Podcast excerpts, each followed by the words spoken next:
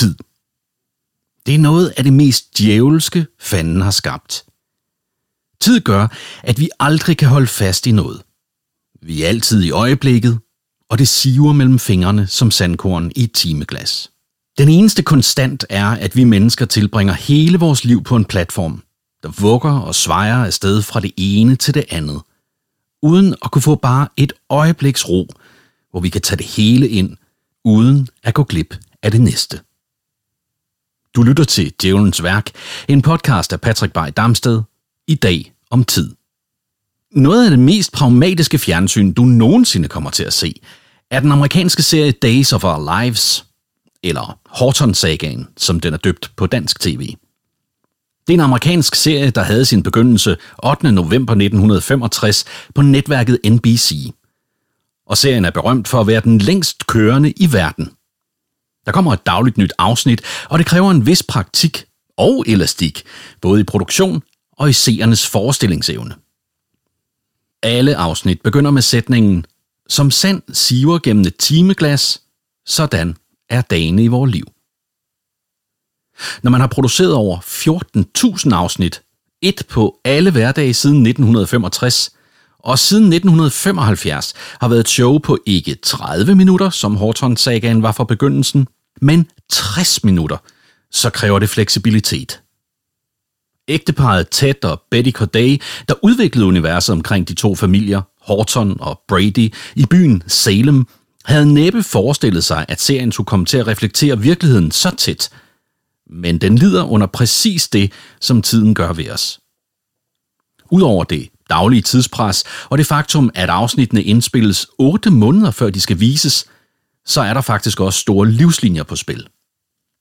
Med hele 40 skuespillere på et dagligt show, så er det svært ikke at undgå skift, sygdom og desværre også død. Allerede 8 måneder efter premieren i 1965 døde Ted Corday af kræft, og efterlod rollen som chefproducer til sin kone Betty. Men langt mere tydeligt er den indtalte opdatering, der indimellem følger temasangen i introen. Det er, når en karakter i serien spilles af en ny skuespiller, fordi den gamle har forladt serien, frivilligt eller ej. Selv et fiktivt univers møder tidens barske hånd. I dag ledes serien af Ken Corday, som overtog serien, da hans mor døde i 1987. Jeg ved præcis, hvor jeg havde min første oplevelse af tid. Det var i sommerferien i 1978, inde i stuen i huset på Mindevej 4 i Sjæle ved Galten. Jeg var en dreng på 6 år dengang. Jeg havde ikke oplevet så mange sommer endnu, så den her sommer virkede uendelig. Alt var nye oplevelser. Den uge, jeg tilbragte sammen med min kusine Karima hos vores bedsteforældre, fylder ekstremt meget af min bevidsthed. Hvis jeg kigger på hele mit hid til 49 år i levede liv, og tegner det som en streg på en meter, så vil den uge fylde en centimeter. Eller cirka det samme som min yngste datters fødsel, som i reelt tid varede fire timer. En uge og en fødsel kan sagtens fylde det samme i tid, så længe den er oplevet. I stuen hos min farmor og farfar hang der et vægur, som nu hænger hos min far. Det blev nidkært trukket op hver dag, og det slog timeslag døgnet rundt. Selv midt om natten blev man vækket af lyden, alene for at vente på de tre, fire eller fem slag blev færdige, så man kunne sove igen. Den lyd slår stadig hos min far. Time for time fortæller uret, hvad klokken er, og at tiden går. Som den gjorde i Sjælle, går den nu i Brøndby. Som den gik i 1978, går den nu i 2021. Det kunne give indtryk af, at tiden faktisk er en fast størrelse. Men det er den slet ikke. Tid er ikke konstant. Vi føler det sådan, fordi vi aftaler at mødes kl. 17 ved bussen, der kører 17.05 for at nå i biografen kl. 18. Men det er ikke tid. Det er tidspunkter. Tid er en flydende og konstant varierende fornemmelse, der kan føles langsomt, midt imellem eller meget hurtigt. Mens jeg skriver dette, så kigger jeg indimellem på klokken, fordi jeg har et videomøde kl. 11, og inden da skal jeg nå i bad. Klokken er lige nu 19 minutter over 10, og jeg har cirka 21 minutter tilbage at skrive i. Men det er heller ikke tid. Det er jo bare minutter, som i sig selv ikke er andet end 60 fortløbende sekunder. Sekund er en forkortelse af det latinske udtryk pars minuta secunda, som betyder den anden formindskelsesgrad. Wikipedia kan fortælle os, at sekundet siden 1967 er defineret som tiden for 9 milliarder 192 millioner 631.770 svingninger af den elektromagnetiske stråling, der udsendes ved overgangen mellem de to hyperfinstrukturniveauer af grundtilstanden af et cesium-133-atom. Så blev vi så kloge. Eller gjorde vi? Jeg ved ikke med dig, men jeg har ingen bedre forståelse af tiden nu, hvor jeg kender dens definition.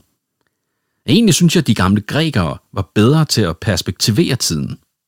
Kronos er personificeringen af tid i den græske mytologi. Og han var ifølge Ferikydes, som var en oldgræker, der skrev teologiske myter, en af de tre, som skabte jorden. Han fremstår som en gammel mand, og hans navn, Kronos, som er det græske ord for tid, har givet os kronisk, som er noget, der bliver ved hen over tid, kronologi, som er en orden for ting, der sker over tid, men også anachronisme, som er noget, der ikke passer til tiden. Det ville for eksempel være en anachronisme, hvis jeg med alvor i stemmen betegnede Kronos som en gav gut, der har bibragt vores samfund meget. Kronos bliver ofte fremstillet som en bevinget gammel mand med langt skæg. Kairos, derimod, bliver fremstillet som en yngling, også med vinger, men på både ryg og ankler. Hvor Kronos er den kronologiske tid, altså den vi kan se forløbe på for eksempel et ur eller i et timeglas, så er Kairos et langt mere svævende, men spændende bekendtskab. Kairos er nemlig det gunstige øjeblik, det rette tidspunkt, den gode timing. Det kan man ikke se nogen steder, men man kan måske se tegnene på, at det kommer, og man kan helt sikkert føle det.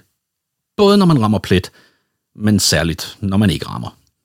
En dag på mit arbejde, da jeg var radiovært på den daværende Optown i København, stod jeg i et studie i Boldens Gård og skulle snart interviewe en musiker, der havde et hit. Jeg glædede mig dog særlig meget til at tale med kvinden fra pladeselskabet, som fulgte kunstneren rundt til interview. Jeg kendte hende fra tidligere møder, og ja, jeg var lidt lun på hende. Denne dag så hun lidt anderledes ud. Hun havde en gennemsigtig hvid bluse, og hendes mave var meget tydelig indenunder. Hun kom ind i studiet, mens jeg havde travlt med at sætte bånd med reklamer på plads, efter de var blevet afviklet. Da jeg vender mig om, så ser jeg hende, og udbryder uden pause. Nej, tillykke, hvornår skal det ske? Det skulle ikke ske. Hun var bare lidt tyk, ligesom mig. Lad mig bare sige, at det var ikke Kairos. Tiden gik uendeligt langsomt, fra vi begge opdagede, hvad jeg havde sagt, indtil hun vendte sig og gik i vrede, uden at sige et ord.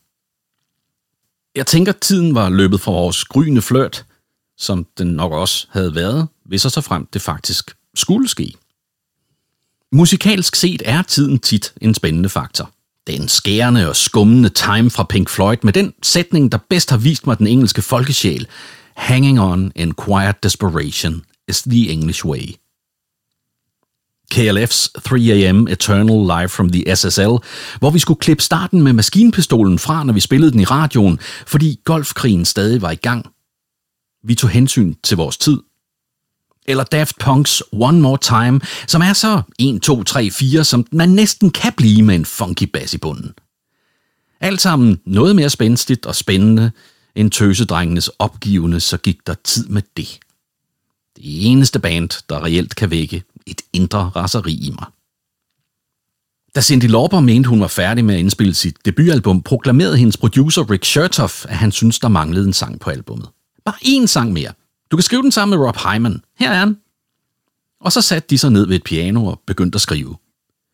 Hurtigt fandt de fælles grund på kærlighedens brændte jord. Han var netop blevet single, og hun havde et træls forhold til sin kæreste. Hyman smed sætningen Suitcase of Memories og så opstod sangen Time After Time, der er musikkritikere blev hyldet som den bedste sang, Cindy nogensinde skrev, og højdepunktet af hendes karriere. Og lyttere stemte ind på utallige hitlister over alle tiders største kærlighedssange. Tal lige om Kairos på den store klinge. Vi taler om tiden hele tiden, men indimellem taler vi også om fravær af tid. Endda som noget positivt. Lykkehjulets speaker Lasse Rolkær gjorde tidløst design til et værdiladet plusord. Men for det meste som noget negativt, som tiden løb fra vores ægteskab. Det er der ikke tid til i dag. Og den tabte tid. Vi elsker at lege med tanken om en tidsmaskine. Og ikke mindst de komplikationer, som vi forudser, vi kommer til at påføre rum og tid, hvis vi rejser i den. Men vi ved også, at tidsmaskiner ikke bliver i vores tid. Eller gør de? Jeg har ikke læst Marcel Prousts 4.000 sider, men jeg kan genkende fornemmelsen af at døbe en madeleinekage i lindete og blive revet tilbage til min barndom. Det sker hver gang det ur slår et timeslag hjemme hos min far. Jeg føler velvilligt med. Tilbage til en anden tid. Så der er jeg i et øjeblik. På samme tid udenpå og i en svunden tid indeni. Djævlen bliver i skidt humør, hvis du liker denne podcast, og endnu mere trist, hvis du abonnerer. Hvis du rater den, daler humøret endnu et par grader, og værst er det at dele den med dine venner, kolleger eller familie. Du har lyttet til Djævlens Værk, en podcast om de ting, vi møder i hverdagen, som fanden har skabt. Idé, tekst og indtaling er mig, Patrick Bay Damsted. Grafikken har Troels Berg lavet, og tak for det. Jeg håber, din tid er god ved dig. Til vi høres ved igen. Ha' det godt.